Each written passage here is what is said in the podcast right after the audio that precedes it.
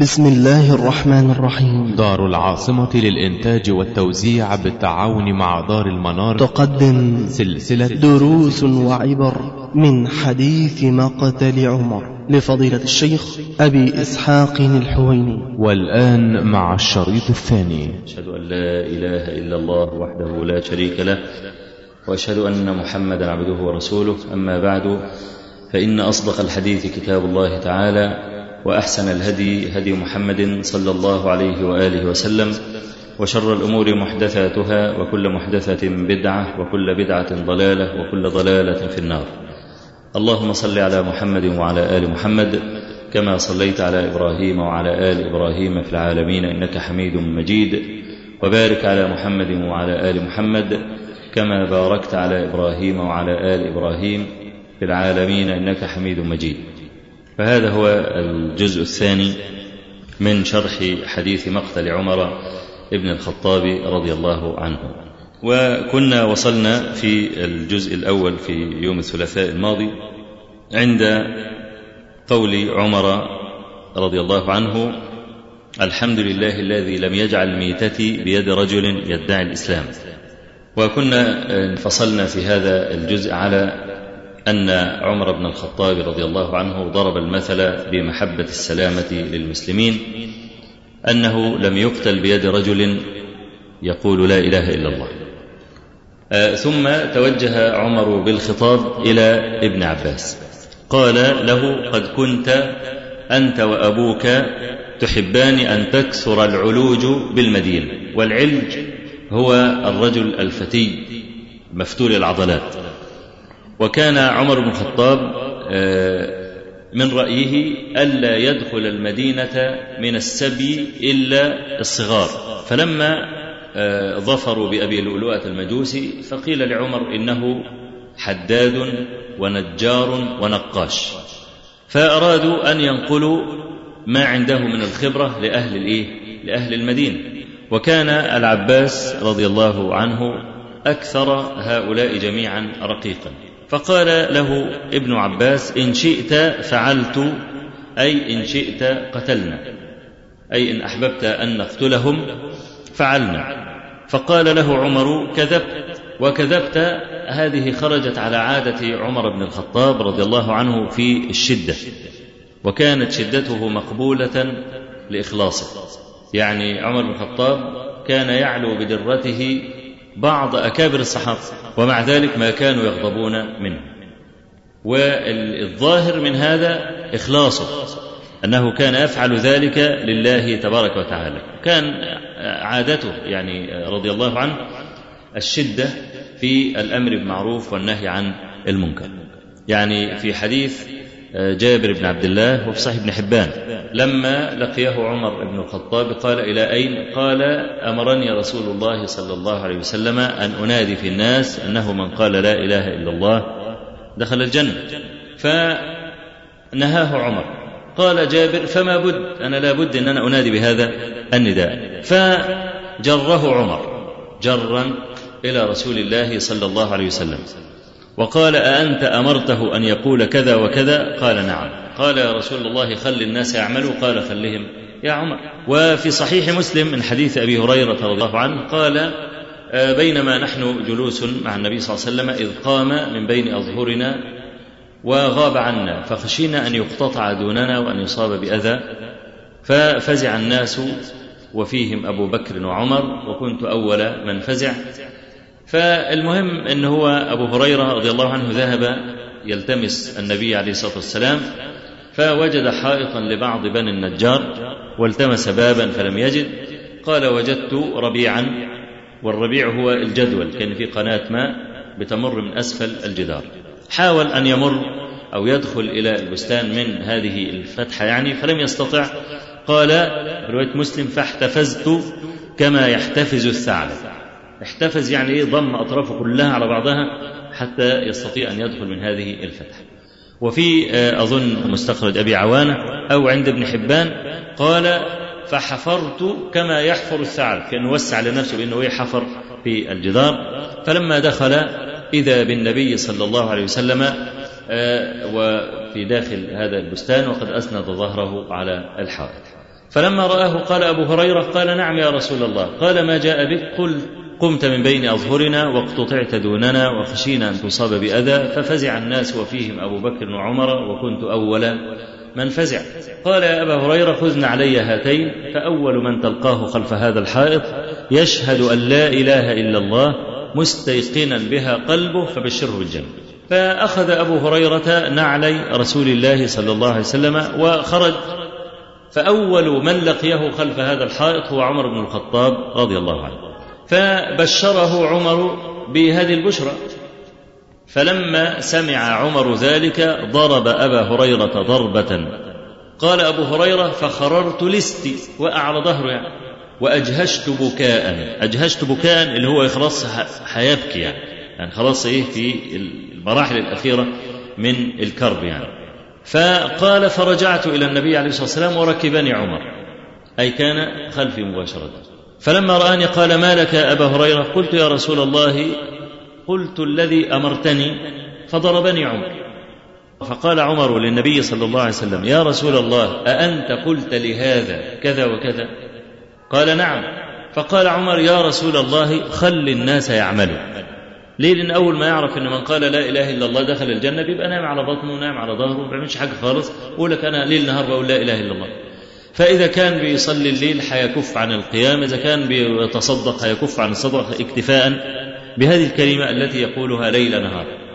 فقال عمر خل الناس يعملوا خلهم على الجد والإجتهاد.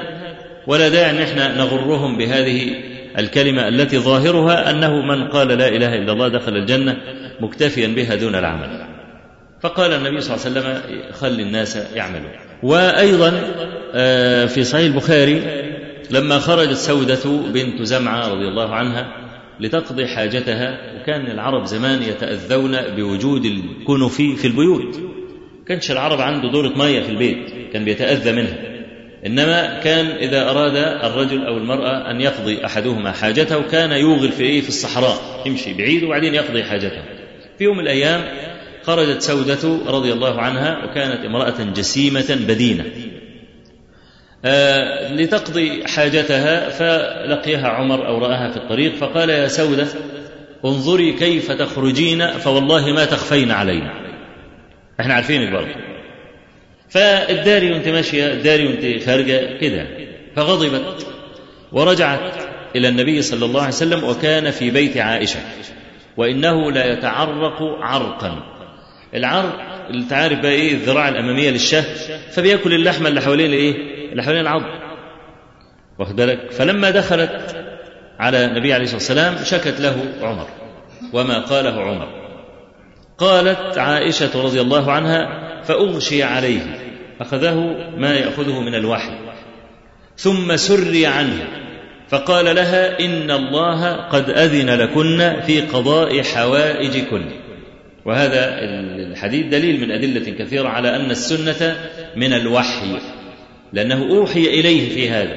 ما تكلم ولكن أخذه ما يأخذه من البرحاء أي العرق من الوحي إذا نزل عليه. ثم قال إن الله قد أذن لكن في قضاء حوائجكم. وفي قصة مغاضبة النبي عليه الصلاة والسلام لأزواجه رضي الله عنهن أيضا دخل عمر على عائشة فعزمها وكلمها بكلام شديد. فقالت ما لك ولي ابن الخطاب؟ عليك بعيبتك روح لبنتك. مالك ومال يعني لا تكلمني هذا الكلام الشديد. ليه؟ لأنه لما رأى أن النبي صلى الله عليه وسلم تأذى منهن فذهب إلى عائشة وبقية أمهات المؤمنين اللي يعني إيه؟ يخاطبهن بخطاب شديد. هذه كان كان سمتا عاما في عمر ابن الخطاب رضي الله عنه. حتى في صلاة قيام الليل كما في الحديث الصحيح أن النبي صلى الله عليه وسلم مر على أبي بكر وهو يصلي فوجده إيه؟ يصلي سرا. ووجد عمر بن الخطاب رافعا صوته يصرخ بالقراءة. فلما اجتمع عنده في اليوم التالي فقال عمر قال النبي صلى الله عليه وسلم لأبي بكر قد رأيتك تسر بقراءتك. فقال يا رسول الله قد أسمعت من ناجيت. واخد بالك؟ فقال ارفع صوتك قليلا. وقال لعمر رأيتك ترفع صوتك بالقراءة. قال أوقظ الوسنان وأطرد الشيطان. واخد بالك؟ فشوف يعني إيه كل واحد من أبي بكر وعمر بيتصرف على سجيته على طبعه. كان أبو بكر الصديق عنده مسألة الرفق الشديد. فشوف حتى تصرفه في القراءة برضه إيه خارج على سجيته. وعمر بن الخطاب قال أوقظ الوسنان النايم يزعجه بحيث إن هو يقومه برضه عشان إيه أول ما يسمع القراءة يقوم يصلي. واخد بالك؟ وأطرد الشيطان. فلما ابن عباس يعني قال له لو شئت فعلنا وفعلنا أي قتلنا هؤلاء. وطبعا هذا محمول على قتل من لم يسلم من هؤلاء السبي وإلا فلا يحل له أن يقتل من لم يجرب لأن ظاهر الكلام ابن عباس إن إحنا نمسك السبي كلهم ونقتلهم. وهذا لا يحل ولا يجوز أن يقتل رجل أو يعاقب بجريرة غيره. للأصل الثابت المعروف في كتاب الله عز وجل لا تزر وازرة وزر أخرى فهذا محمول على قتل الإيه؟ على قتل الكافر منهم. وحتى قتل الكافر منهم فيه أيضا نفس هذا البحث. فقال له عمر بن الخطاب كذبت بعدما تكلموا بلسانكم وصلوا قبلتكم وحجوا حجكم. فيبقى يفهم من هذا كأن عمر بن الخطاب فهم أن ابن عباس يريد أن يقتل المسلم منهم. لذلك شدد عليه لأن أعظم شيء هو الدماء. أعظم شيء هو الدماء. والنبي عليه الصلاة والسلام قال كما في حديث ابن مسعود في الصحيحين إن أول ما يقضى فيه بين العباد يوم القيامة الدماء. والنبي عليه الصلاة والسلام يقول لا يزال المؤمن في فسحة من دينه ما لم يصب دما حراما. أي فإذا أصاب الدم الحرام ضاقت عليه التوبة. ضاقت عليه التوبة. فلذلك شدد عمر عليه في الكلام. قال له كذبت لأنه تصور أنه يريد أن إيه؟ أن ينفذ القتل في المسلمين. لذلك قال له بعدما يعني تكلموا بلسانكم وصلوا قبلتكم وحجوا حجكم أي لا سبيل لك إلى ذلك. فاحتمل إلى بيته.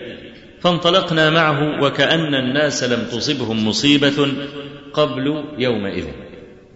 وأعظم طبعا المصائب كلها أن يموت مثل عمر ابن الخطاب. ليه؟ لأن كان عمر بن الخطاب ينصف الناس من نفسه ومن الناس. وكل إنسان منا يحتاج إلى من يحميه. يحتاج إلى من يحميه. أشوف واحد مرة لقي عمر بن الخطاب أظن الذي قتل زيد بن الخطاب؟ ثم أسلم. يعني كان كافر وأسلم بعد كده لكن قتل زيد بن الخطاب. فلما رآه عمر قال أغرب عني فإنني لا أحبك. فقال يا أمير المؤمنين أو يمنعني ذلك حقي؟ يعني أنت ما تحبنيش. ده يضيع حقي؟ قال له لا. قال فإنما يأسى على الحب النساء. تحبني ما تحبنيش ده حاجة ترجع لك أنت. طالما أن إيه؟ هذا لا يضرني. فانظر إلى ما أشد إنصافا. عمر بن الخطاب رضي الله عنه. آه ابن عبد الله بن عمر لما اشترى آه ماشية. وحب يتاجر بفلوسه. ففي يوم من الأيام عمر بن الخطاب آه يعني ماشي فوجد إيه؟ ماشية كده لظلظة كده وتخينة كده فقال ماشية من هذه؟ قالوا ماشية عبد الله بن عمر. قال بخ بخ. والله عال عمر الخطاب يعني ابن ابن عمر الخطاب عنده ماشية واخد بالك؟ فناداه. فقال ما هذا يا عبد الله؟ قال أمير المؤمنين أبتغي بأموالي كما يبتغي الناس. أشغل فلوس. زي خلق الله يعني. قال يا عبد الله بع هذه الأنعام وخذ رأس مالك ورد الباقي في بيت المال. لما تشوف طب إيه المشكلة؟ إن ابن عمر بن الخطاب يشتغل يشغل فلوسه قال لك هيبقى في ريبة. يقول لك آه ابن أمير المؤمنين. وهو نفس عمر بن الخطاب قال نفس الكلام. قال باخ باخ آه أنعام ابن أمير المؤمنين رايحه أنعام ابن أمير المؤمنين جاية وكل الناس هيبتدي إيه؟ يجاملوا والكلام ده. فخاف عمر. عشان كده لا لم يستطع مخلوق أن يطعن على عمر. أبدا. بخلاف عثمان رضي الله عنه. لما ولي عثمان الخلافة قرب أرحامه. وإحنا بنقول أن عثمان بن عفان رضي الله عنه فعل ذلك بحق. مش قرب؟ أقربائه وبدأ إن هو كده يخليهم بقى يرتشوا ويأكلوا الحكم والكلام ده. لا كان عثمان أجل وكان أتقى لله عز وجل من أن يتردى في مثل هذا. لكن للناس قيل بالظنون وقالوا. يعني الناس دائما عندها سوء ظن في الحاكم. دائما عندها سوء ظن في الحاكم.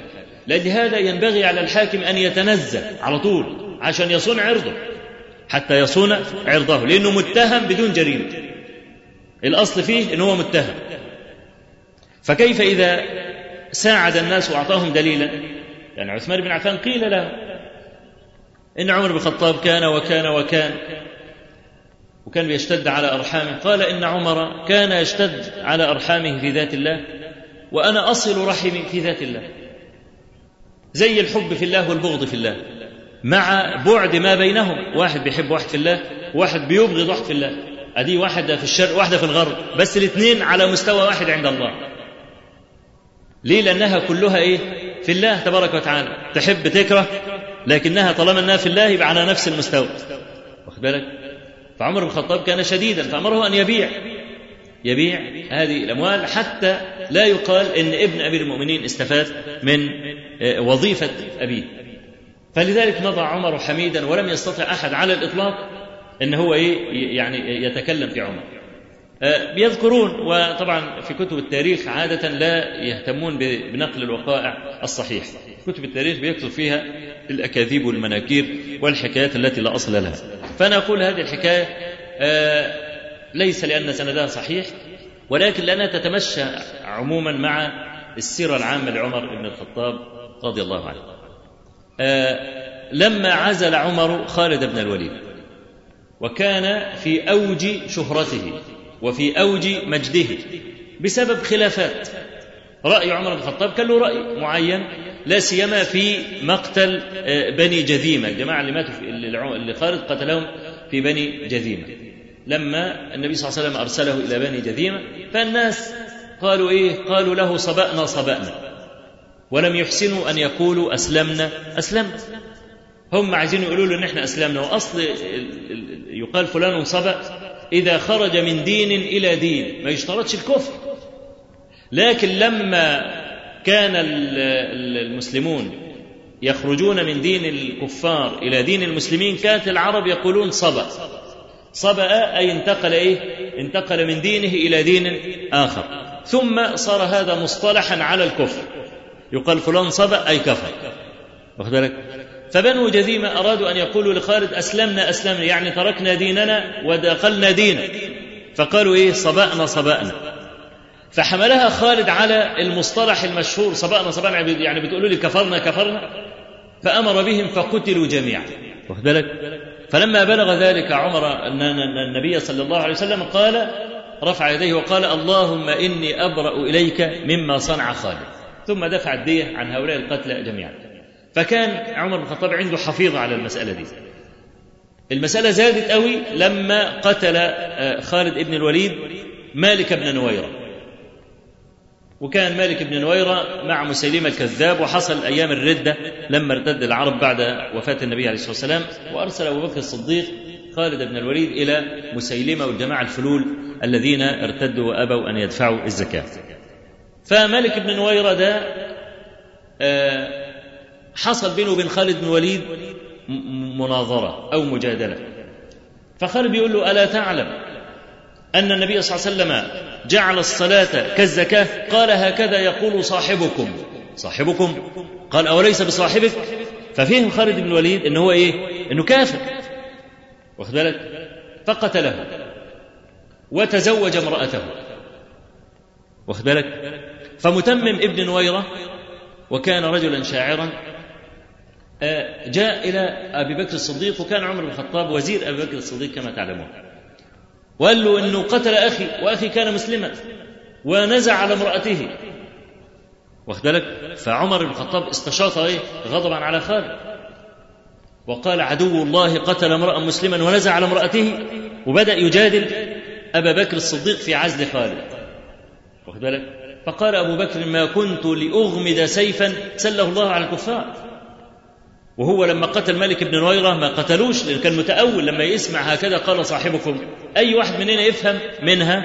لا سيما هو في المعسكر الآخر إن هذا ليس بمسلم.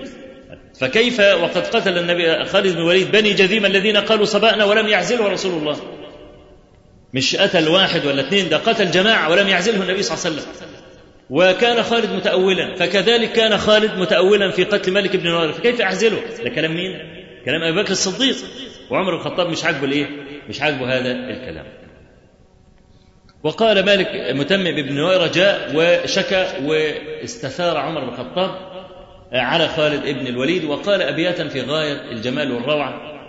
قال لقد لامني عند القبور على البكا رفيقي لتذراف الدموع السوافك وقال أتبكي كل قبر رأيته لقبر ثوى بين اللوى فالدكادك فقلت له إن الشجا يبعث الشجا فدعني فهذا كله قبر مالك. يعني كأن لم يمت في الدنيا إلا أخوه. كل القبور اللي في الدنيا دي هي قبر إيه؟ أخيه. فكلما رأى قبرا ذكر مالكا. واخد بالك؟ لذلك كل ما يدخل على جبانة يدور إيه؟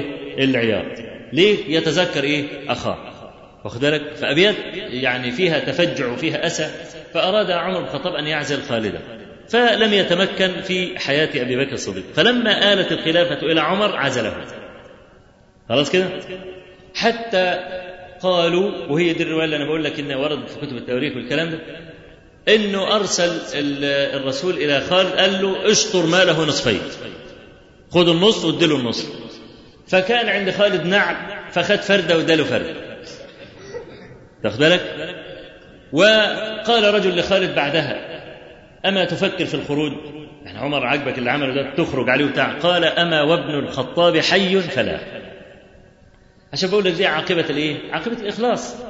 كن واحد أعماله لله تبارك وتعالى ربنا بيجعل له في قلوب العباد ودا. حتى الشدة بتاعته بتكون إيه؟ بتكون مقبولة. رضي الله عن عمر. لذلك مضى حميدا عمر بن الخطاب رضي الله عنه. فالناس تفجعوا عليه كأنه لم تصبه مصيبة قبل يومئذ لأن ضياع مثل عمر وموت مثل عمر أكبر مصيبة على الناس. وأكبر مصيبة على الناس أن يفشوا الجور والظلم بحيث أنك تعلم أنك إذا ظلمت لن يقتص لك. أكبر مصيبة يصاب بها الإنسان. لأجل هذا تفجع الناس كثيرا على عمر ابن الخطاب رضي الله عنه كما قال ابن عباس وكأن الناس لم تصبهم مصيبة كما قال عمرو بن ميمون وإن وكأن الناس لم تصبهم مصيبة قبل يومئذ. فقائل يقول لا بأس بيمن نفسه لا ده إن شاء الله سليمة وكويسة وهيقوم بالسلامة والكلام ده. وقائل يقول أخاف عليه فأتي بنبيذ. النبيذ بقى مش زي ما الناس متخيلة الخمر. لا أصل النبيذ أن تلقى تمرات في ماء عذب فيأخذ الماء من حلاوة التمر. يبقى الماء إيه؟ في حلاوة خفيفة. فهذا هو النبيذ الذي كان ينبذ لرسول الله صلى الله عليه وسلم. لما تقرأ في الأحاديث النبي صلى الله عليه وسلم كان ينبذ له. أي تلقى تمرات في الماء فيحلو. هذا الماء فيشربه. وكذلك كان عمر بن الخطاب وكان هذا هو أحب الشراب إلى عمر بن الخطاب رضي الله عنه. ليه؟ لأن كان أحب الشراب إلى النبي صلى الله عليه وسلم. واخد بالك؟ زي أنس بن مالك. كان يحب الدباء. الدباء اللي هو القرع ها؟ كوسة دي الكبيرة بس الايه حجم حجم البطيخ ده. واخد بالك؟ ويتقطع حتت كبيرة كده. وتتسلق. فالنبي صلى الله عليه وسلم كان يحب الدباء. وكان يتبع الإيه؟ الحب بتاع الدباء يأكله. فكان أنس بن مالك أيضا يحب الدباء. وقال ما زلت أحبه منذ رأيت رسول الله صلى الله عليه وسلم يأكله. ليه؟ لأن أنا أرى ان هو إيه؟ بيتتبع الحب فبيحبه. ودي طبيعة أي محب. أي محب. الحاجة اللي بيحبها تلاقيك بتلقائية بتحبها برضه. الحاجة اللي هو بيكرهها تلاقيك أيضا بتلقائية بتكرهها. وهذا بيظهر في أدنى التصرفات. يعني في مسند أبي يعلى بسند صحيح على شرط الشيخين قيل لأنس بن مالك واللي بيروي الواقعة دي قتادة بن دعام السدوسي قال كنا جلوسا عند أنس. فقال له رجل صف لنا شعر النبي صلى الله عليه وسلم. فقال أنس شعره كان كشعر واخد بالك؟ فبكى قتادة من الفرح لمجرد إنه شعره زي شعر النبي عليه الصلاة والسلام. واخد بالك؟ وهذا يدل عليه على شدة محبته للنبي عليه الصلاة والسلام. واخد بالك؟ فكان عمر بن الخطاب لما حتى سألوا الطبيب أي الشراب أحب اليه قال النبيذ قالوا هاتوا نبيذ يشرب عشان يشوف النبيذ سيخرج من جرحه ولا سيخرج من جوفه عشان يشخص الحال. قال فأتي بنبيذ فشربه فخرج من جوفه. كانوا تقيأوا. ثم أتي بلبن فشربه فخرج من جرحه. وفي بعض الروايات إن النبيذ خرج من جرحه أيضا. فلم يظهر ليه؟ لأن النبيذ لما اختلط بالدم كأنه كله دم فهو الطبيب عايز يميز. فلذلك سقاه لبنا عشان يبقى لون اللبن غير لون الدم. فإذا خرج اللبن من الأمعاء يبقى خلاص إيه؟ يبقى خلاص هيموت. واخد بالك؟ فهو عايز يعرف إيه يعني طبيعة الجرح يعني. فلما شرب اللبن خرج أبيض. واخد بالك؟ ظاهر مختلف عن الدم. فلما رأى ذلك علم أنه ميت فقال له أوصي يا أمير المؤمنين. أوصي يا أمير المؤمنين. وطبعا يعني إحنا برضو هنتعلم من هذا الدرس شيئا نحن نجبن عادة عن فعله. بيبقى الرجل ميت وهم عارفين إنه ميت والأطباء كلهم قالوا إنه لا أمل بعلم الطب مش بالدخول في الغيب لأن في النهاية الكلمة الأخيرة في حياة البشر لله رب العالمين. لكن بالعلم وبالطب والخبرة بيقول لك إن خلاص هذا الرجل ميت يعني خلاص في يقضي نحبه. فيقوم الناس برضو إيه يطمنوه ويمدوا له في الأجل. فيقوم يغتر. المفروض إنك أنت توصل له إنه هيموت إذا كان عنده مظالم يقولها. كان عنده وصايا يقولها. حتى لا يغتر لأن كل ما يقال لا طبيب ممتاز يبقى طبيب قال خلاص أكلوا لي في نفسه لأنه خلاص هيموت ويقول لك لا قال ما شاء الله ده كويس جدا وهتقوم بالسلامة والكلام ده هو. طب أنت بتنفس في أجله لأي مصلحة وأنت عارف إنه ميت قل له إنك ميت حتى يتخفف من المظالم حتى يقول ربنا سبحانه وتعالى النبي صلى الله عليه وسلم قال موت الفجأة أخذة أسف أخذة أسف ليه؟ لأنه ما استطاع أن يفعل شيئا. لا يستطيعون توصية ولا إلى أهلهم يرجعون. ولو علم أنه سيموت لقال كلمة. واخد بالك؟ فهذا الرجل مرض ومرضه طال ومرضه عضال كمان وهيموت لكن لا يدري هل سيموت أم لا. فأنت بتقول أوصي. إذا كان في شيء أوصي. ما الذي تريده؟ ما الذي تحبه؟ ما واخد بالك؟ فهو الطبيب قال له أوصي يا أمير المؤمنين. الكلام ده في خارج البخاري. فقال عمر صدقني ولو قال غير ذلك لكذبته. واخد بالك؟ فلما قال أوصي يا أمير المؤمنين بدأ عمر بن الخطاب في الوصية التي سنقرأها بعد ذلك.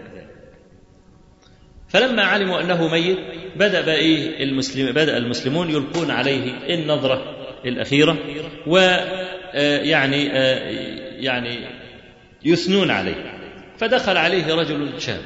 فقال أبشر يا أمير المؤمنين ببشرى الله لك من صحبة رسول الله صلى الله عليه وسلم وقدم في الإسلام ما قد علمنا أو وقدم في الإسلام ما قد علمنا وإن كان وقدم هي الأقوى والأوجه. وقدم في الإسلام ما قد علمت ثم وليت فعدلت ثم شهادة. وهذا الترتيب دل على أن هذا الشاب عاقل.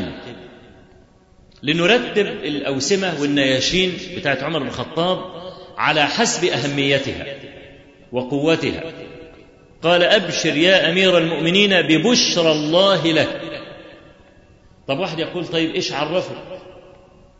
ما ده غير بشرى الله لك. هو عنده وحي بالمسألة دي عشان يقول هذا الكلام ويفتات كده على الغيب ويهجم على الغيب.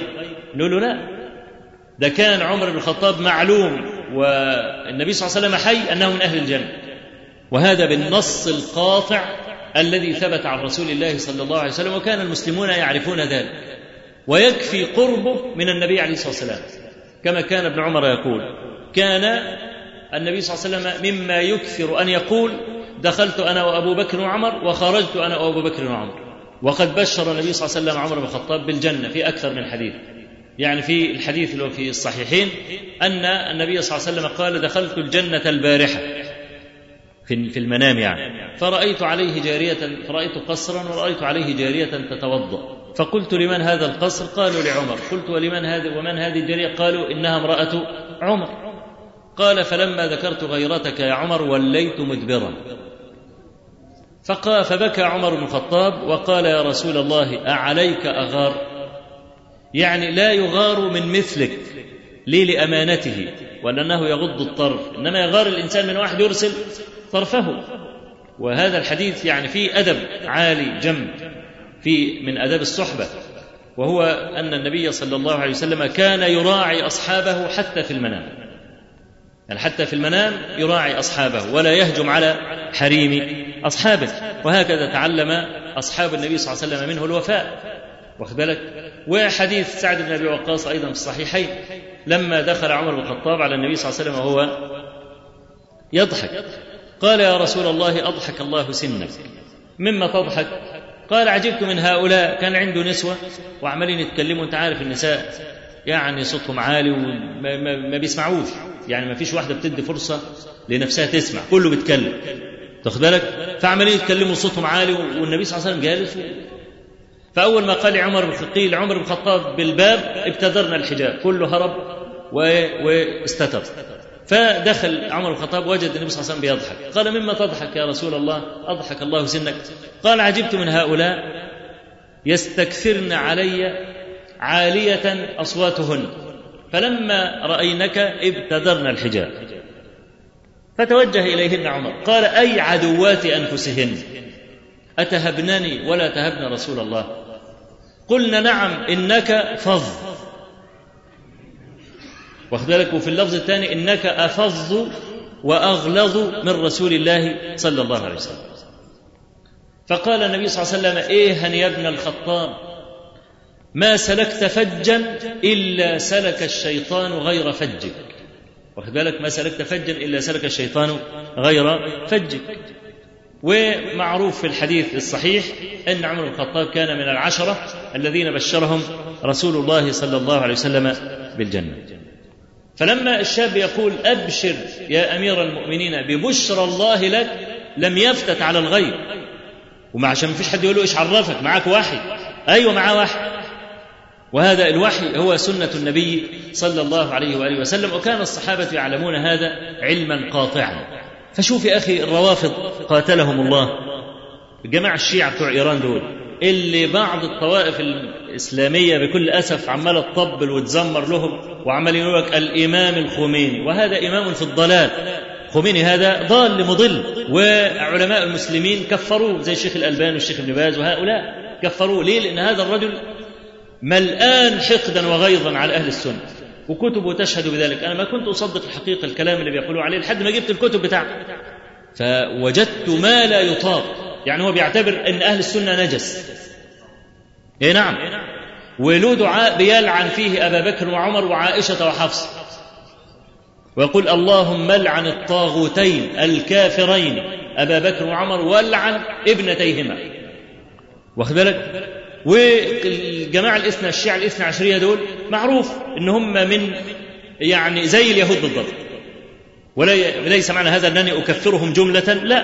نحن لا نكفر هؤلاء الطوائف الإسلامية في الجملة ولكن نكفر أعيان منهم اللي هم علمائهم الذين علموا الحق فجحدوه.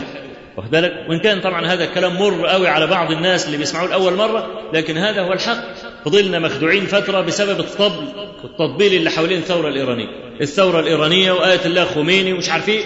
لحد ما وقفت على كتاب لواحد من أكابرهم في مدينة قم اسمه محمد باقر المحمودي بقر الله بطن. واخد بالك؟ ده حقق كتاب لابن الجزري. الكتاب ده أنا كنت استخرجت المخطوطة بتاعته من دار الكتب المصرية على أساس إن أنا أنشره على الناس.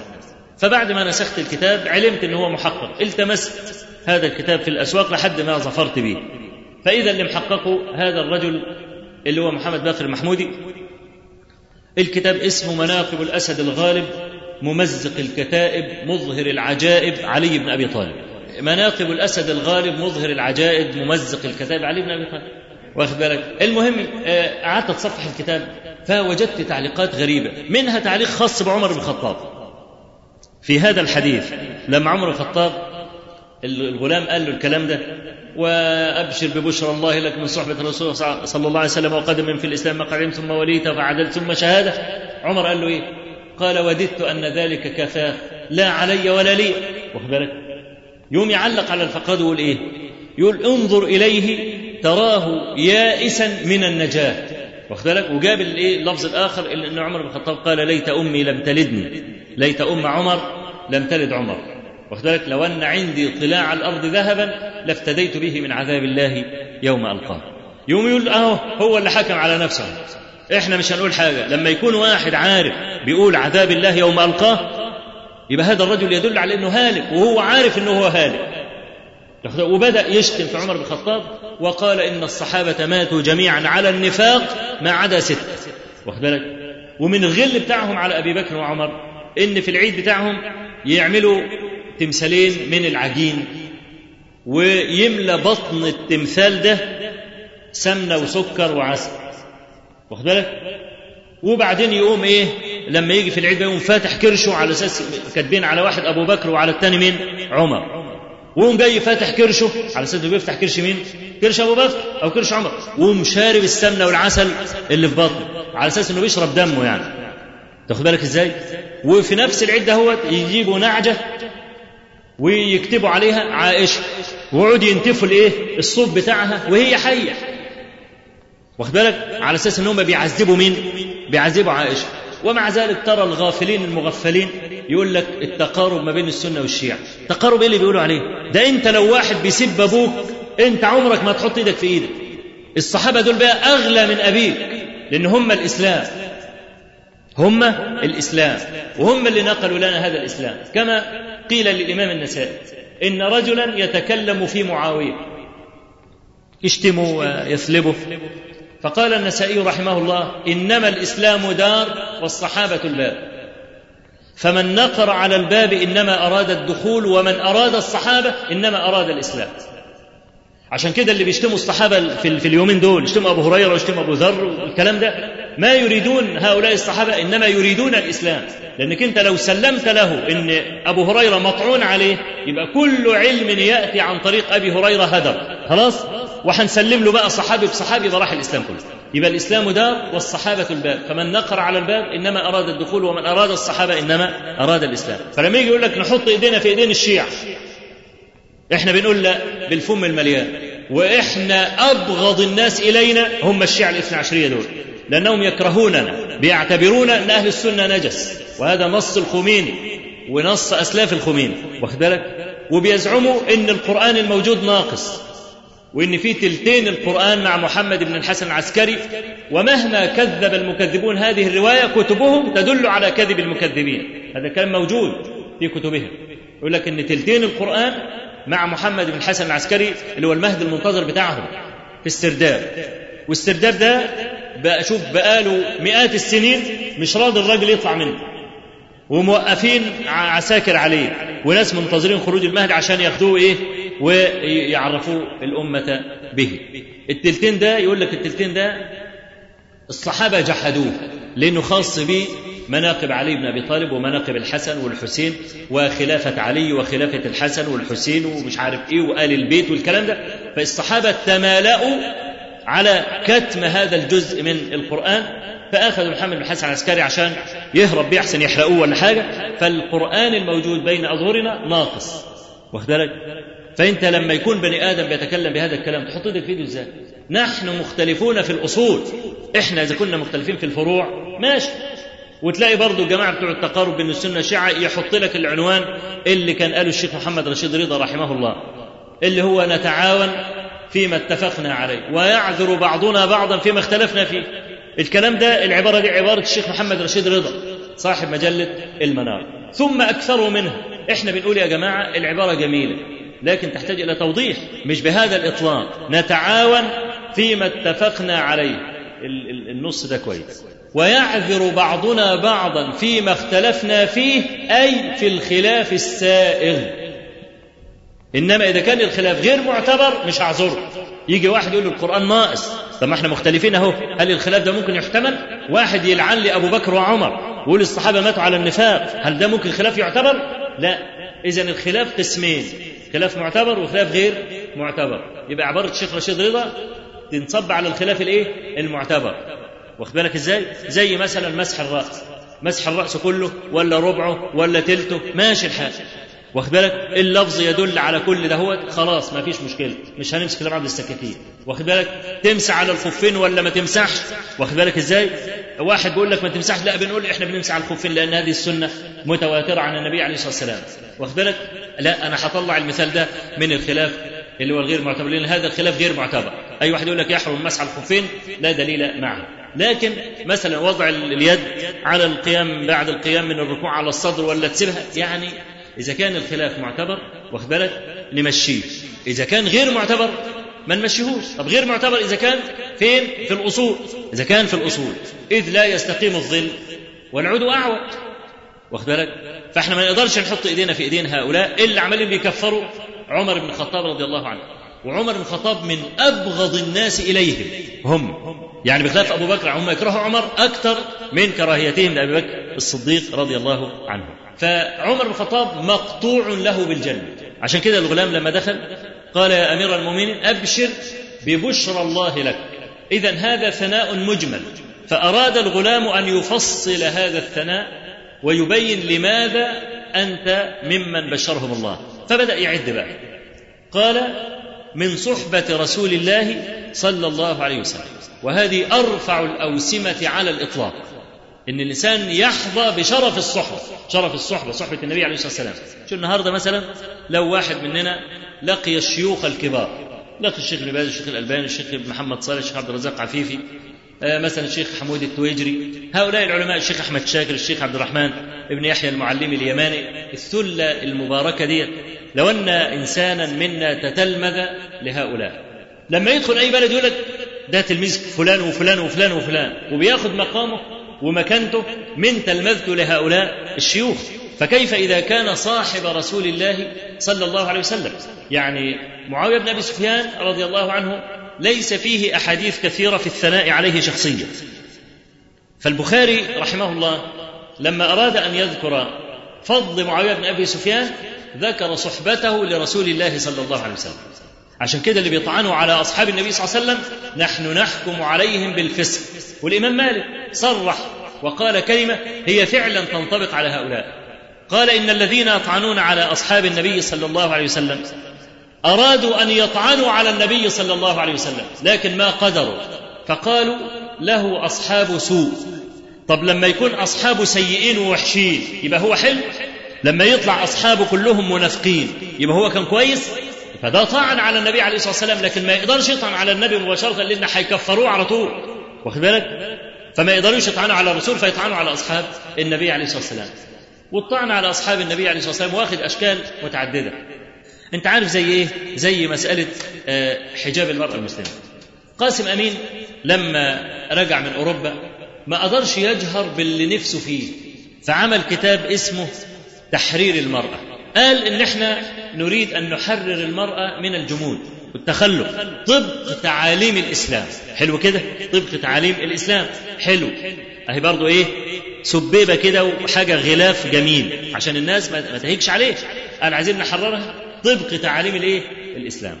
لما وجد ناس أنصار له زي محمد عبده بكل أسف وزي سعد زغلول وزي الطائفة اللي هي كانت بتحكم البلد آنذاك جهر هذا الخبيث بما يريده فألف كتابا آخر بعده اسمه المرأة الجديدة. في المرأة الجديدة صرح تصريحا بما يريد إن المرأة تخلع الحجاب وتفتح الصالونات الأدبية زي ما في باريس. والمرأة تخادن الرجال وتقعد تتكلم معاهم. أنتوا ليه عاملين الرجل بعبع بالنسبة للمرأة والمرأة بعبع بالنسبة للرجل؟ لا لابد ان إيه يبقوا إيه في بعض كده سداح مداح عشان كل واحد يدرس نفسية الإيه؟ الثاني ونبقى جيل بلا عقد. واستغل الوضع السيء للمرأة آنذاك. وكان في نوع من التحجر والجمود عند الآباء. حتى البنت كان يرفض يحفظها قرآن. البنت يرفض يخليها تكتب. واخد بالك؟ عشان كده تلاقي مثلا أمهاتنا وجداتنا وجدات جداتنا جهلة ما يعرفوش يكتبوا. يبصموا بس. تاخد بالك؟ طب ليه ما يكتبوش؟ ليه ما نجيبش امرأة تعلمهم القراءة والكتابة في البيت؟ ليه ما نجيبش واحدة تحفظهم كتاب الله سبحانه وتعالى؟ فكان في نوع من التحجر عند الآباء فاستغلوا هذه الصورة السيئة وجعلوها دليلا على ما يريدون. إن إحنا عايزين المرأة تبقى بتتكلم إنجليزي وفرنساوي والمرأة تعامل الرجال وتدخل في مجالات المجتمع. خلاص؟ مشيت المسألة كذلك. أنا يعني بحكي الكلام دوت عشان أبين لك هم بيعملوا إيه. لأن ده جزء من مخطط عام. والصحابة عبارة عن إيه؟ ركن. واخد بالك؟ فحصلت المهزلة بتاعه ميدان الإسماعيلية اللي سموه ميدان التحرير الآن. إن صفية زغلول والنساء خرجوا منتخبات كلهم وكان الإنجليز لهم ثكنات وخيام في ميدان الإسماعيلية آنذاك فقال رايحين علشان يحاربوا مين؟ الإنجليز. يا وليه طلع الكلام. بقى أنتوا رايحين تحاربوا الإنجليز؟ لا. كانت واحدة شايلة جيركن بنزين معاها. واخد بالك إزاي؟ وطالعين كلهم منتقبات قاموا راميين الايه الإنجليز بالحجار الإنجليز هيدوا لهم تعظيم سلام. قاموا برضه ضاربين عيارين ثلاثة في الإيه؟ في الهوا كده. قاموا متغاظين من الإنجليز وخلعين النقاب وحاطين البنزين عليهم وولعين فيه. طب إيه العلاقة دي بدي؟ قصة مش راكبة في في الدماغ برضه. واخد بالك إزاي؟ ورجعت النساء سافرات سافلات. خلاص كده وبدأ الحرب على النقاب من إيه من المسألة دي آه المهم إن الماء النساء رجعوا سافرات وحرقوا النقاب وبدا بدأت الأمة تمشي في هذا الطريق بسبب هؤلاء الرؤوس الذين دعوا إلى أن تخلع المرأة نقابها. طيب فضلت القصة دي ماشية لمدة إيه؟ من سنة 19 واخد بالك؟ لحد النهارده لحد سنة إيه؟ لحد سنة مثلا أقول 75 خلاص؟ من 19 75 كم سنة؟ 50 سنة مثلا 55 سنة مش كده؟ النقاب تقريبا غاب لمدة نصف قرن فقط هم كانوا فاكرين إن النقاب ده لن يرجع ابدا فبدأوا يحاربوا الإسلام حرب شعواء سافرة مكشوفة خلاص فلما فوجئوا بقى إن النقاب رجع تاني وإن بدأت الأمة تاني النساء يلبسوا النقاب بدأوا يفكروا يحاربوا الإسلام بطريقة أذكى شوية ما تبقاش طريقة مكشوفة غبية زي الطريقة اللي كانوا بيحاربوا بيها. لأنهم اكتشفوا إن هذا الغباء الشديد وإن يطلع بقى هدى شعراوي والامينه السعيد والجماعة دول يتكلموا كلام صريح ضد النقاب وضد الحشمة وإن المرأة تطلع تتبجح وتقول أنا أول واحدة ولا فخر. لبست شرط في الجامعة. واخد بالك؟ وكنت بلعب باسكت وبتاع وكان كل الشباب يجوا يتفرجوا عليا والكلام ده اهو. واخد بالك؟ ونشروا هذا الفساد وهذا التردي على أساس إن تبقى قدوة يعني. المهم لما لقوا إن الأمة رجعت مرة أخرى وإن خمسين سنة لا تعتبر شيء في حياة الدعوات. ده عبارة عن غمضة عين. واخد بالك؟ بدأوا يحاربوا الإسلام بطريقة أخرى. فدايما كل حاجة دلوقتي هم ملبسينها لبوس الإسلام.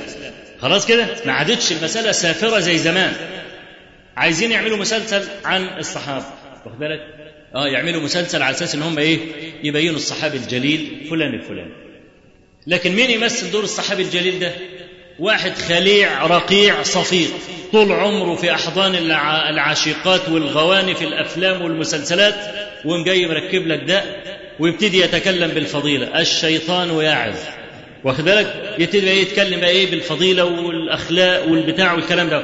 وفي نفس الليلة ممكن تلاقيه جايبين له فيلم لهذا الممثل الرقيع اللي بيمثل دور عمر بن عبد العزيز مثلا ولا بيمثل دور أي صحابي يجيبوا له في نفس الليلة فيلم. ودوا جوان كده ومقطع السمكة وديلها والكلام ده. واخد بالك؟ أنت أنت كرجل مشاهد الشخصية بتبهت. شخصية عمر بن عبد العزيز بتبهت معاك. ليه؟ لأن اللي مثلها مين؟ رقيع. انت تبص تلاقي دايما إيه ذهنك الصورة جاية لك الاثنين قبل بعض كده. تقوم شخصية عمر بن عبد العزيز أو واحد من الفضلاء تقل عنه يجيب لك الإمام الشافعي يجيب لك الإمام مالك يجيب لك الإمام ابن حزم. واخد بالك؟ الناس الأفاضل دول ويبتدي يجيب لك واحد رقيع يمثلهم. أنت فاكر ديت سهلة؟ كتير من الجماهير ما ياخدوش بالهم من المسألة دي ويتصور أنهم عايزين يعني يوصلوا هذه القيمة للناس. لكن ده طعن على هؤلاء الأبرار الأخيار. نحسبهم الله حسيبهم. يبقى اذا هو لما يجي يحاول يقدم لك شخصية يغلفها لك بلبوس الإسلام. عايزين نعرض الإسلام. عايزين نعرض تراجم علماء الإسلام. ويدخل بقى حاجات يعني مثلا آه جايب لك ابن حزم والجواري. أنا ما شفتش حاجة لكن بيحكوا لي. والجواري وكلم النساء وبتاع ويقعد مع النساء والكلام ده. ابن حزم ما كانش كده. ابن حزم من يوم ما طلب العلم ما كانش كده. لكن ابن حزم قبل طلب العلم كان أبوه وزير. واخد بالك؟ والجواري هم اللي ربوا ابن حزم فعلا. ومن العجائب طبعا شخصية ابن حزم مع تربية الجواري له لأن المفروض الجواري لما يربوا واحد يطلع خرع. ها؟ لكن ابن حزم ده أسد. يعني قالوا إن لسان ابن حزم وسيف الحجاج شقيقان. من قوة لسان ابن حزم. إزاي واحدة ربته جارية يطلع بهذا العنف. تاخد بالك؟ من يوم ما ابن حزم التزم وبقى امام من سن 26 سنة والكلام ده القصة ده فيقوم يصور لك ان ابن حزم بقى والأدب وكلامه في فوق الحمامة واخد بالك؟ فيقوم يطعن على ابن حزم نفسه. آه الروايات اللي بيكتبوها النهارده القرارات اللي بياخدوها آخر حاجة حتة الخلع دي. الخلع ده أنت فاكر الخلع ده المقصود به إنه ما كانش موجود؟ وعايزين يعني يرحموا المرأة؟ لا. الخلع كان موجود الخلع يا أخوانا ده اللي اللي اللي بنسميه إيه؟ الطلاق على الإبراء. طلاق على الإبراء يعني الست عايزة تطلق فأقوم أقول لها اكتبي إنك خدت كل حاجة. أنا مش هسيب لك حاجة. تقول خلاص خد كل حاجة وطلق. ده اسمه الايه اسمه الخلع. لكن 90% من قضايا الطلاق الموجودة في المحاكم. ليه العملية طولت؟ الست مش عايزة تسيب فتفوت. عايزة تاخد كل جهازها. عايزه تاخد كل عفشها فبالتالي رفع قضية عشان تاخد حاجات. لكن لو الست قالت خد كل حاجة وطلع هيقولها في 60 سلام واخد بالك؟ وهيريح نفسه. اذا الخلع كان موجود. إيه بقى معنى إثارة الخلع مرة ثانية مش المقصود بقى الخلع. ولا ينبغي أن نخدع ونفضل نناقش بعضنا هل الخلع مشروع ولا غير مشروع ونسيب القصة الأصلية اللي هم عاملين قصة خلع عشان هم عايزين يفككوا البيوت بسرعة. والقضية بترجع إلى اتفاقيات الجاد تعرف اتفاقيات الجاد اللي بتقرأ عنها في الجرايد؟ إن العالم كله هيبقى قرية صغيرة ولها قانون تجاري بيحكمها. القانون التجاري ده بيقول لك إن إحنا عايزين طبعا اللي هو النظام العالمي الجديد اللي بتسموا اللي بتقرأوا العولمة. واخد بالك إزاي؟ العولمة دي باختصار أمريكا هي الحكم. وهي اللي هتسن القوانين اللي تعجبها في العالم. واخد بالك؟ وبدأت بتربيطات مع الدول الأخرى وفي مصالح اقتصادية. بدأوا يربطوا ويعملوا اتفاقيات. الاتفاقيات دي اللي هينضم لها هياخد المميزات بتاعتها. طب إذا ما دخلناش في اتفاقيات الجاد إيه اللي هيحصل؟ قال لك يبقى لا هناخد منك بضاعة ولا هنديك بضاعة. ده مع ذلك إنكم هتموتوني النهارده الأجهزة اللي أنا عايزها من الخارج هيبقى ممنوع لأنك أنت مش عضو في الاتفاقية. خلاص؟ طيب المصانع بتاعت اللي بتنتج دي أنا عايز أبيع بره. قال لك ممنوع. يحصل نوع من الحصار الاقتصاد طيب أنا هنضم للاتفاقية. قال لا. المسألة مش بسيطة كده. الاتفاقية دي بيتبعها أشياء أخرى. إذا ما نفذتهاش مش هنقبلك عضو فيه. زي إيه كده؟ البنية الاجتماعية. إيه الإرهاب اللي عندك ده؟ وإيه التطرف الكلام الفارغ اللي عندكم ده؟ لازم تحدوا من القصة دي. طب نحد منها إزاي؟ نشوف المناهج. دلوقتي إحنا بنحاول نسعى لسياسة السلام. ودلوقتي عندكم القرآن بيسب اليهود وحاطين الآيات دي في المقررات وفي المناهج يطلع العيال الصغيرين في ابتدائي بيقرأوا آيات سب اليهود يكرهوا اليهود يبقى معنى إنك تكره اليهود واليهود يكرهوك يبقى إحنا مش هنعيش في السلام ابدا طب نعمل إيه؟ قال يبقى الايات اللي بتسب اليهود ديت إيه؟ ما تحطهاش على الطلبة في المناهج خليها في مصحفك بس لكن في المناهج ادعو إلى سبيل ربك بالحكمة والموعظه الحسنة وجادلهم بالتي هي أحسن وما شاكل هذه الإيه؟ ما شاكل هذه الآيات واخد بالك إزاي؟ إذا ما عملتش كده ما ينفعش. وبعدين إيه النساء وإيه التخلف اللي عندكم ده؟ ختان والمجازر اللي أنتوا بتعملوها والكلام ده؟ ما ينفعش الكلام ده. لازم برضه تحترموا المرأة. المرأة لها حرية. ده اعتداء على حرية المرأة. أنتوا خدتوا رأيها لما حبيتوا تختنوها؟ قلت لها هنقطع منك حتة حتة لحمة كده. ها؟ خدتوا رأيها؟ لا ما خدتوش رأيها. ده اعتداء عليه لازم المرأة تبقى حرة في اتخاذ قرارها. عصر العبودية بقى بتاع الرجل ده للمرأة ده انتهى. واخد بالك إزاي؟ بس أنا ما أقدرش معلش بقى متأسفين مش هنقدر نضمك للاتفاقية لحد ما تطور نفسك. خلاص؟ تبتدي البنية الاجتماعية كلها تتغير علشان يلتحق باتفاقيات الجد فتعقد المؤتمرات زي مؤتمر السكان وغيره ويتخذ توصيات مضادة للإسلام. ويستعمل بقى الناس اللي باعوا دينهم. علشان يروجوا للمسألة دي. زي ما حصل اتفاقيات كام ديفيد والسلام ومش السلام قام طلع برضه الجماعة إيه؟ المدجنين.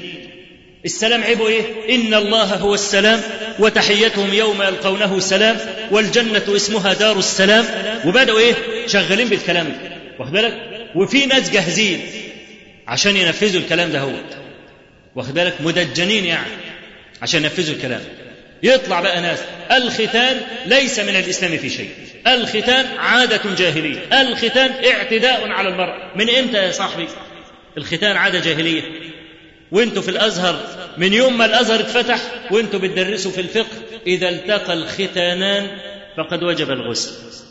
الختانان ختان الرجل والمراه وانتوا طول عمركم بتقولوا الختان مشروع ومستحب في الكتب اللي أنتم مؤلفينها. فجأة كده بقدرة قادر كأن الناس أغبياء كلهم. لا بيقروا ولا بيسمعوا تقوموا تقولوا لهم كده فجأة كده الختان عادة جاهلية. تيجي إزاي؟ لكن النبي صلى الله عليه وسلم قال إنه مما أدرك الناس من كلام النبوة الأولى إذا لم تستحي فاصنع ما شئت. واحد يكتب تفسير لنفسه قبل ما يمسك أي منصب رسمي. يجي في سورة الأحزاب يقول لك النقاب على قولين لأهل العلم. قول بالوجوب وقول بالاستحباب. لما يمسك المنصب الرسمي يقول لك النقاب عادة جاهلية. إزاي يا جماعة؟ طيب يا أخي احترم نفسك واعرف إن الناس بيقرأوا كتابك. اللي أنت نشره أيام ما كنت أستاذ إزاي تقلبها كده؟ أنت ممكن تقول أنا تغير اجتهادي. خليك ذكي زي اللص الذكي كده. واخد بالك؟ مش يدخل زي المدب لا غير قول أنا تغير اجتهادي. كنت أرى قديما إن النقاب ما بين قولين ثم بدا لي بالأدلة الفلانية واحد اثنين ثلاثة إنه عاده جاهليه ثم تبقى مبلوعة شوية لكن ما جيش كده صد رد وأقوم حاطط قفل الكلام ده القفل الكلام الثاني ما ينفعش الكلام ده. واخد بالك؟ لكن ده يدل عليه على قلة حياء. لا يستحي لا من الله ولا من الناس. عرفت إزاي؟ ويطلع ناس متخصصين في المسألة دي. إحنا عايزين نزيل الختان نزيل الختان. إحنا عايزين نمد سنوات الاختلاط هنمد سنوات الاختلاط مفيش مشاكل. ليه؟ عشان الواد يفهم البنت. وكانت النتيجة إيه؟ اللي الشيوخ بيحذروا طول عمرهم منه. الزواج العرفي في الجامعات والأهرام نشر إن في 12 ألف طفل ثمرة الزواج العرفي في الجامعات لا يعرفون لهم آباء. واخد بالك؟ والبنت تبقى متجوزة بقالها أربع سنين في سنة رابعة كلية والكلام ده أتاني كثيرا بالذات في القاهرة. في القاهرة. البنت متجوزة بقالها أربع سنين. وأهلها ما يعرفوش. تطلع من الصبح رايحة الجامعة لا تروح الشقة المفروشة اللي الواد تقعد مع الواد الساعة 2 وبعدين تقوم راجعة البيت. مين الآباء اللي يرضوا الكلام ده؟ لما نيجي نقول قعدوا بناتكم من الجامعة قعدوا بناتكم من المدارس افصلوا البنات على البنين يقعدوا يضحكوا عليهم. قول المتخلفين الراجعين طب ذوق. أدي بنتك متجوزة من أربع سنين. واخد بالك؟ يوم يأتي بقى تغيير البنية الاجتماعية بس لما نيجي نغير البنية الاجتماعية بجلافة وجليطه هنعمل رد فعل عام. فنغلفها بلبوس فقهي. يقوموا يقعدوا ينطحوا في بعض في الفقه وإحنا نمر من تحت. إزاي؟ الخلع ناس يقول لك إزاي تجعل الخلع في يد القاضي؟ الخلع ينبغي أن يكون في يد الزوج، طيب هل يجوز أن يكون في يد القاضي ولا لا؟ نقعد ننطح في بعض. واخد بالك؟ وإحنا بننطح في بعض يكونوا هم إيه؟ عدل وفات. طب ما الخلع كان موجود والطلاق على الإبراء موجود وعمره ما غاب. الست لو عايزة تطلق وتمشي وتسيب كل اللي عندها الراجل ولا مع 60 سلام زي ما قلنا. لأنه مش ناقص مشاكل. وما فيش حد عايز مشاكل مع واحدة ما بيحبهاش وبينهم مشاكل. خلاص؟ طب إيه معنى أنكم تثيروا مسألة الخلع النهارده؟ ما هو المقصود منها؟ المقصود منها تغيير البنية الاجتماعية. جعل مصر والبلاد الاسلاميه زي أمريكا. أمريكا الأسرة هناك مفككة. أمريكا من أضعف المجتمعات الموجودة على وجه الأرض. أمريكا لو في 100 راجل يفتحوا البلد دي. وأنا أقول هذا الكلام وأحلف عليه. لو في 100 راجل زي الصحابة كده يفتحوا أمريكا. أمريكا بنيان متهالك لكنهم زي الفتوة اللي عايش على سمعته واخد بالك؟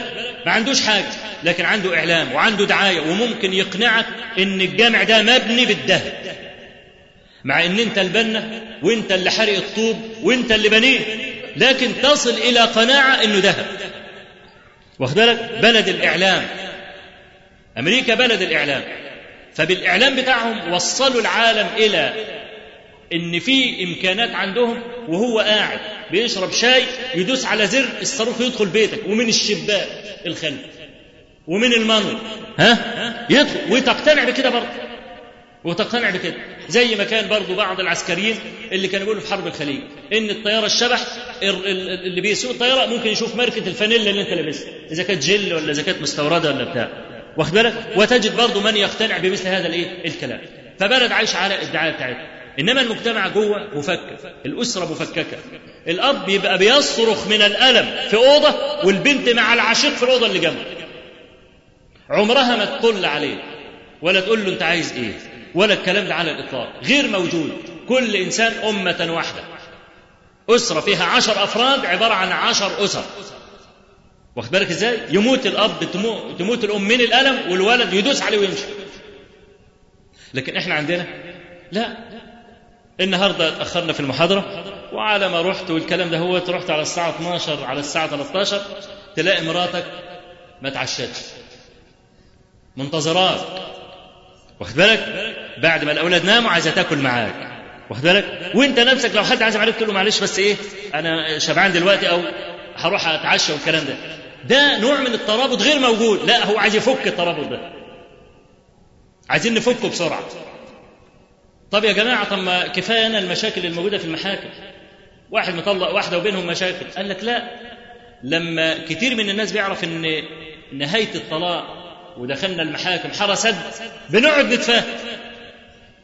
وياما بيوت رجعت تاني لما لقت الحرسد وان هيغيبوا بالعشرة 15 سنة في المحاكم قال لك خلاص ناخدها من يا جماعة أنتوا زعلانين ليه؟ طب تعالوا نقعد تاني وياما أسر استقرت وعايشين في تبات ونبات وخلفوا صبيان وبنات بسبب إيه؟ إن الطلاق هياخد خمس ست سنين. خلاص؟ ولأن السنوات الأولى في الزواج بيحصل نوع من الإيه؟ الاضطراب. لا انت واخد على طبعها ولا هي واخد على طبعك وعلى ما نلتئم مع بعض عايزين لنا ست سبع سنين. واخد بالك؟ فقال لك لا هم بيستبوا مع بعض في الآخر. لكن لما نعمل خلع بقى هي ثلاث شهور. ندي الحكمين حكم من أهلها وحكم من أهله الاثنين إيه؟ يتفاوضوا مع بعض.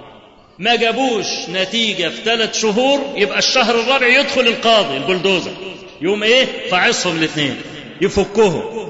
يعني المرأة لما تطلب الطلاق يعني بعد أربع شهور تبقى بره البيت. واخد بالك إزاي؟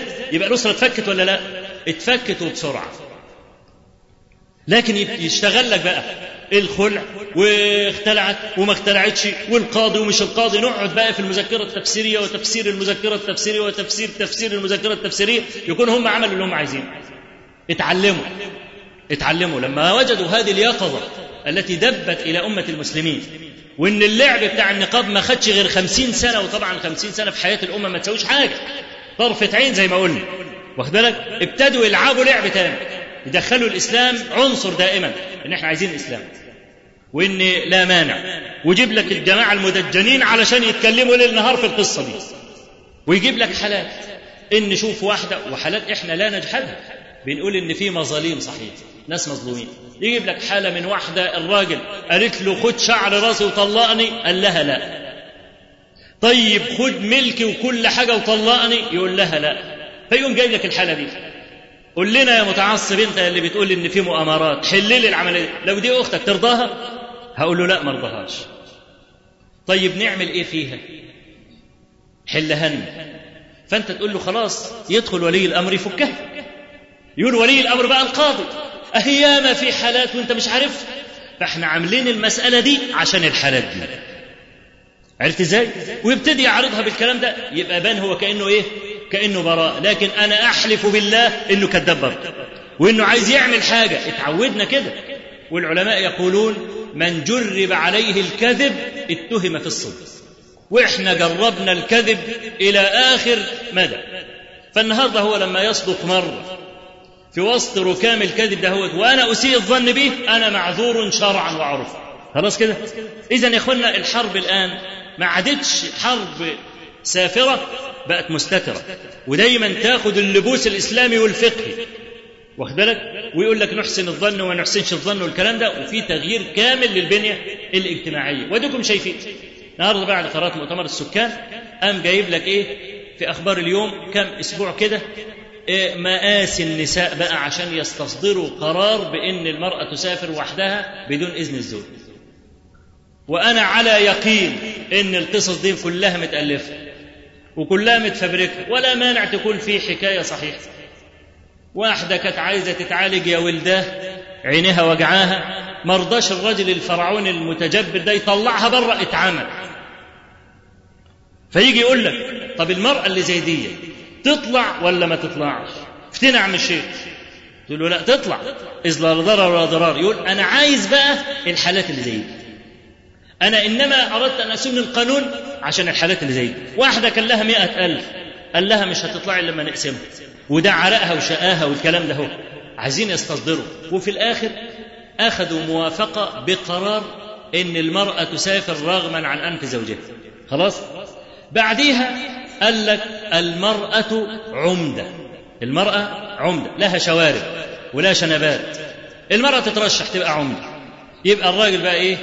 المرأة عمدة وتحتها إيه؟ كام غفر واخد وتجرجر أدخن شنب. خلاص كده؟ والمرأة مأذون. أو واحد بعيد بتاع واحدة متبرجة آخر تسريحة وعايزة تبقى إيه؟ تبقى مأذون شرع خلاص كده؟ ويعملوها فلما جت مسألة الخلع وهي أخطر 100 مرة لأن معاها ست قرارات من أخطر القرارات الموجودة أخفها الخلع. وفي ستة كمان خمسة كمان في غاية الخطورة. وحصل بقى مجادلات والكلام ده على مسألة الخلع وكان قبلها مباشرة سفر المرأة بدون إذن الزوج فعايزين بقى يمرروا حاجة ويسيبوا حاجة. قام طالع واحد كبير قوي له منصب كبير قوي قال يا جماعة طبعا مسألة إن المرأة تسافر بدون إذن زوجها هذه مسألة غير محتملة، إحنا ناس شرقيين. مش مسلمين. إحنا ناس شرقيين صعايدة ودمنا حامل. فيش حاجة اسمها أبقى نايم ألاقي المرأة سايبالي ورقة على المخدة أنا رحت هولندا. ها؟ ورايح اتفسح واشم هوا وارجع. الكلام ده مش عندنا إحنا. إحنا ناس إيه؟ ناس شرقيين. وبعدين ده مخالف للشرع ها؟ حتة اللعبة الحلوة دي. إحنا بقى سفر المرأة بدون لا إحنا مش هنقبله انه مخالف للشرع ونمرر الخلع خلاص موافقه ماشي. ومضى القانون. اعتزال. يوم الناس الموجودين بدل ما كان هيتفلع من الغيظ يبقى نص فلقة بس. ليه؟ على أساس إن إيه؟ منعوا القرار إن المرأة تسافر بدون إذن الزوج لأن كل الطبقات حتى الناس العوام رفضوا القصة دي.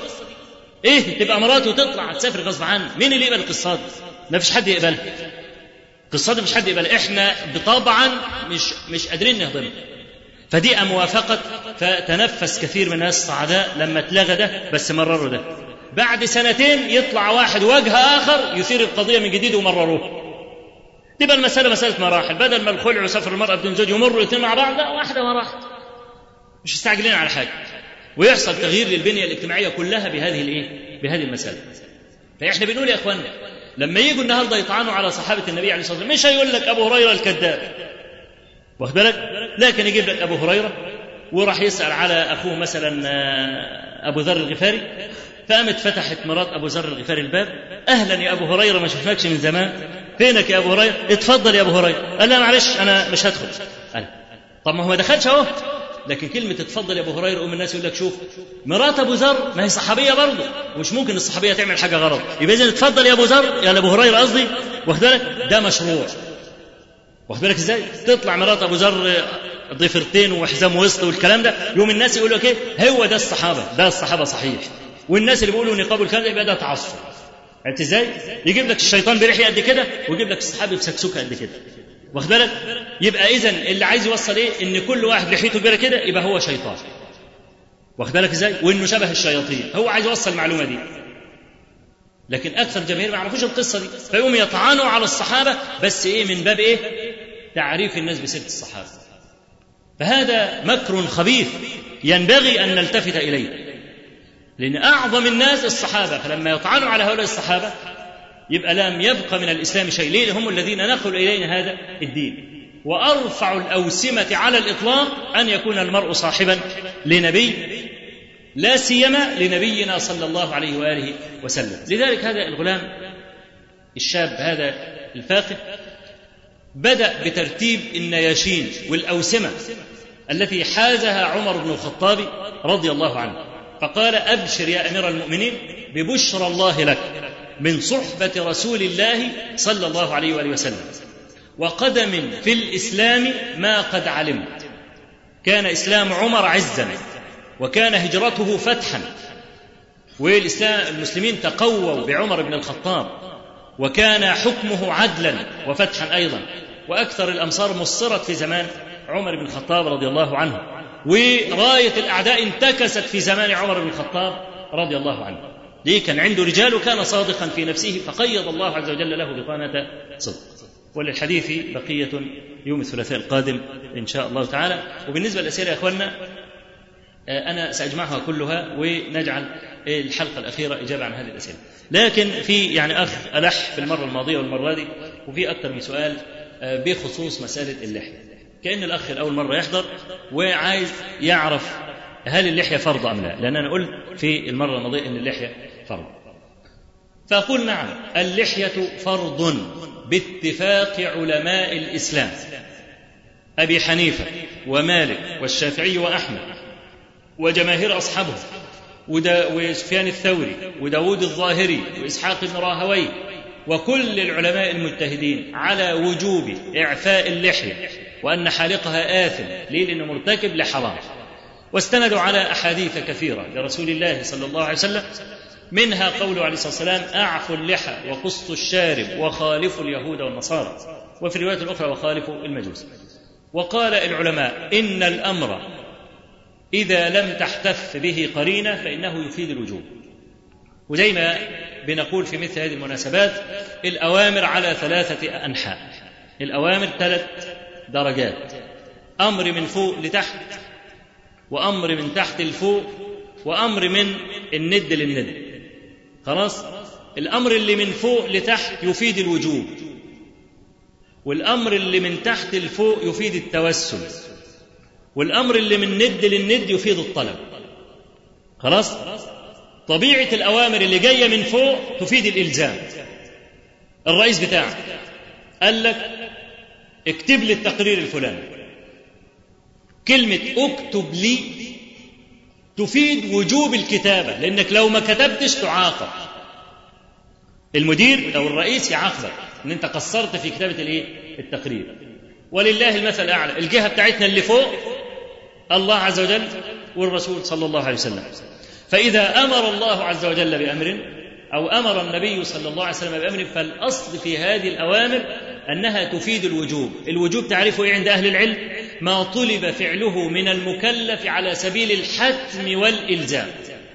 أي لا اختيار لك أن تقول أفعل أو لا أفعل. خلاص؟ الأمر من تحت لفوق. أنت لما بتدعي ربنا بتستخدم فعل الأمر ولا لا؟ تقول رب اغفر لي. اغفر فعل أمر ولا لا؟ ها؟ ربي تب علي. تب فعل أمر ولا لا؟ طب انت بتأمره؟ لا ما بتأمروش بتتوسل إليه. انت الجهة اللي تحت وهو الجهة اللي فوق. خلاص كده؟ يبقى تفيد الإيه؟ تفيد التوسل. لكن لو إحنا أصحاب وأنا طلبت منك طلب بقول لك إيه؟ روح المشوار الفلاني. أو هات لي الحاجة الفلانية. أم؟ لا عشم. خلاص؟ اللي هو الإيه؟ اللي هو الطلب. خلاص؟ وعلي بن أبي طالب لخص المسألة دي في قوله أحسن إلى من شئت تكن أميرة. واستغن عمن شئت تكن نظيرة. واحتج إلى من شئت تكن اسيرا خلاص؟ طول ما أنت محتاج أسير. طول ما أنت مستغني أمير. واخد بالك إزاي؟ فعشان كده بنقول الأوامر من على الثلاث أنحاء دي. فربنا سبحانه وتعالى لما يأمرك بأمر يبقى الأصل إن هذا الأمر على سبيل الحتم والإلزام. مالكش خيار فيه. النبي عليه الصلاة والسلام أمرك بأمر يبقى الأصل ان هو على سبيل الحتم والإلزام لا خيار لك فيه. لحد ما تقوم قرينة تدل على إن الأمر ده مش على الوجوب. كقوله صلى الله عليه وسلم صلوا قبل المغرب صلوا قبل المغرب صلوا قبل المغرب. هنقف. صلوا فعل إيه؟ يفيد إنك لازم تصلي. خلاص كده؟ لكنه قام قايل إيه؟ لمن شاء. يبقى ده أسقط الوجوب ولا لا؟ طالما انه خيرك وجعل الخيار لك يبقى صار الأمر على الإيه؟ على الاستحباب تعمله أو ما تعملوش. خلاص كده؟ دي اللي بيسميها العلماء الإيه؟ القرينه القرينه الصارفه عن الوجوب لكن افرض ما فيش لمن شاء يبقى لازم تعمله. لأن هذا فعل أمر لم توجد قرينة تصرفه عن هذا الإيه؟ عن هذا الأمر. فنأتي لمسألة اللحى. النبي صلى الله عليه وسلم قال اعفوا اللحى. أدي أعفو فعل أمر. وما فيش قرينة تصرف هذا الأمر. قرينة زي إيه؟ زي إن واحد يجي حالق دقنه والرسول صلى الله عليه وسلم يشوفه ويقعد معاه وما يقولوش حلقت دقنك ليه؟ ليه؟ لأن لو كان حلق اللحية جريمة مثلا أو غلط كان النبي صلى الله عليه وسلم ما يسكتش لأنه لا يسكت على باطل ولا يسكت على خطأ ولا يسكت على غلط. معنى أنه يبقى قاعد جنبه وما ينبهوش يبقى ده يدل على الجواز. فهل هناك أي واقعة بأي سنة إن واحد جه حلق دقن والرسول طبطب عليه؟ ولا قعد معاه ما نبهوش؟ مفيش. واخد بالك إزاي؟ أو القرينة أن يقول لرجل احلق لحيتك نقوم نقول إن أعفو اللحية مش على الوجوب بدليل لو كان على الوجوب ما كانش قال للراجل ده إيه؟ احلق لحيتك. يبقى ده يدل على إن إيه؟ حلق اللحية جائز. هل الكلام ده موجود؟ غير موجود. لا يوجد أي قرينه من القرائن عشان كده علماء المسلمين الكبار اللي هم المجتهدين الكبار وجماهير أصحابهم افتوا جميعا بوجوب إعفاء اللحية. بالإضافة لأن اللحية يا إخواننا هي شعار الإسلام. يعني بقى بالذات بعد اختلاط الأزياء واختلاط الأشكال بيننا وبين أعدائنا. النهارده البنطلون والقميص ده كل الناس بتلبسه. لو واحد حالق لحيته ولابس بنطلون وقميص ماشي في الشارع. أنت تعرف إذا كان مسلم ولا لا؟ ما تعرفش إذا كان مسلم ولا لا. واخد بالك؟ لكن لو واحد مثلا أعفى لحيته وماشي مش محتاج إنك تسأله ليه؟ لأنه لازق البطاقة. الهويه بتاعته واخد بالك؟ طيب واحد يقول طب إيه يعني تقصد إيه من ورا الكلام؟ أقول إن للمسلم على المسلم حقوق أخوك المسلم له حقوق. لما تختلط الأزياء والأشكال ما تعرفش تديله حقه إلا لما تعرف إنه مسلم. فأنت مش هتوقفه بقى لو عايز تساعده ولا بتاع تقول له اديني بطاقتك وعرفني بنفسك والكلام ده واخد بالك؟ فدي ضيعت هذه النصرة. الموجودة وهذا الالتئام وانت عارف الأشكال بتدي نوع من الولاء. لما اتنين ظباط يقابلوا بعض الرتب تلاقيهم بيحنوا لبعض. واخد بالك إزاي؟ آه اتنين شيوخ لابسين عمم وقابلوا بعض. واخد بالك؟ تلاقيهم يحنوا لبعض. زي في الغربة كده. أنت مثلا مسافر بلاد بره لقيت واحد مصري تقوم تحس إنك إيه؟ منجذب إليه. لو طلع من كفر الشيخ تحس إنك منجذب أكتر. لو طلع من دسوق تحس إنك مجذوب ها؟ ما هو منجذب ومجذوب وانت عارفين بقى الدا ها؟ المجاذيب والكلام ده. مش كده؟ آه تحس بقى إنك إيه خلاص يعني إيه في نوع من الالتئام. وإذا عرفت إنه من نفس الشارع تحس إن في ولاء أكتر وهكذا. اذا الأشكال هذه بتعطي نوع من الإيه؟ نوع من الولاء. أنت عرفت إزاي؟ وحتى أنتوا تعرفوه لما تقابل واحد ملتحي السلام عليكم وتسلموا على بعض والكلام ده. واخد بالك؟ مع إنك أنت ما بتعملش القصة مع كل واحد يقابلك ليه هو انت بتكفر الكل يقول لك لا ما كفرش حد. بس في نوع من الايه؟ نوع من الولاء. ولذلك النبي صلى الله عليه وسلم قال إيه؟ والله لا تدخلوا الجنة حتى تؤمنوا ولا تؤمنوا حتى تحابوا. أفلا أدلكم على شيء؟ إذا فعلتم تحاببتم؟ أفشوا السلام بينكم. طيب آه إزاي أنا أفشي السلام؟ بعد هذا الاختلاط اللي أشرنا إليه وقد قال النبي صلى الله عليه وسلم لا تبدأوا اليهود والنصارى بسلام. أعملها أنا إزاي دي؟ وأنا مش عارف اللي هقول له السلام عليكم ده مسلم ولا نصراني؟ مع إن الحديث ده خطير. ليه؟ لأن بيقول لا تدخلوا الجنة حتى تؤمنوا ولا تؤمنوا حتى تحابوا. طب إحنا عايزين ندخل الجنة وعايزين نحب بعض. قال عايزين تحبوا بعض صحيح؟ أقول لك تحبوا بعض إزاي؟ أفشوا السلام بينكم. لو حبيتوا بعض لو أفشيتوا السلام هتحبوا بعض ولو حبيتوا بعض هتدخلوا الجنة. هي دي سهلة دي؟ لا ما سهله لأن أنت لما بتقول واحد السلام عليكم كأنما قلت له دمك ومالك معصوم مني مش هتلاقي مني غد عشان كده النبي صلى الله عليه وسلم قال أغدر الناس الذي يلقي السلام ويقتل. السلام عليكم. السلام عليكم معناه إيه؟ لن ينالك مني أذى. وفجأة يطلع المطوة ويذبح أو يطلع المسدس ويضربه. هذا أغدر الناس على الإطلاق. واخد بالك؟ عشان كده يا اخوانا المسألة مش بسيطة. دي هذه اللحية بتدي نوع من الولاء العام وبتظهر إن هذا الرجل من المسلمين. عشان كده بقية الحقوق زي السلام والتشميت العاطس والنصر والكلام ده كلها بتتسبع بتستتبع هذا الموضوع. أقول قولي هذا وأستغفر الله لي ولكم. وصلى الله وسلم وبارك على نبينا محمد والحمد لله رب العالمين. أخي الكريم أختي الكريمة وختاما تقبلوا تحية إخوانكم في دار المنار للإنتاج الإسلامي والتوزيع بالتعاون مع دار العاصمة للإنتاج الإسلامي والتوزيع على أمل اللقاء بكم بإذن الله تعالى في الشريط التالي من هذه السلسلة. تم الإخراج الصوتي والهندسة الصوتية باستوديو الإبداع للإعلام الإسلامي بالقاهرة. مهندس الصوت أحمد فرج. والسلام عليكم ورحمة الله وبركاته.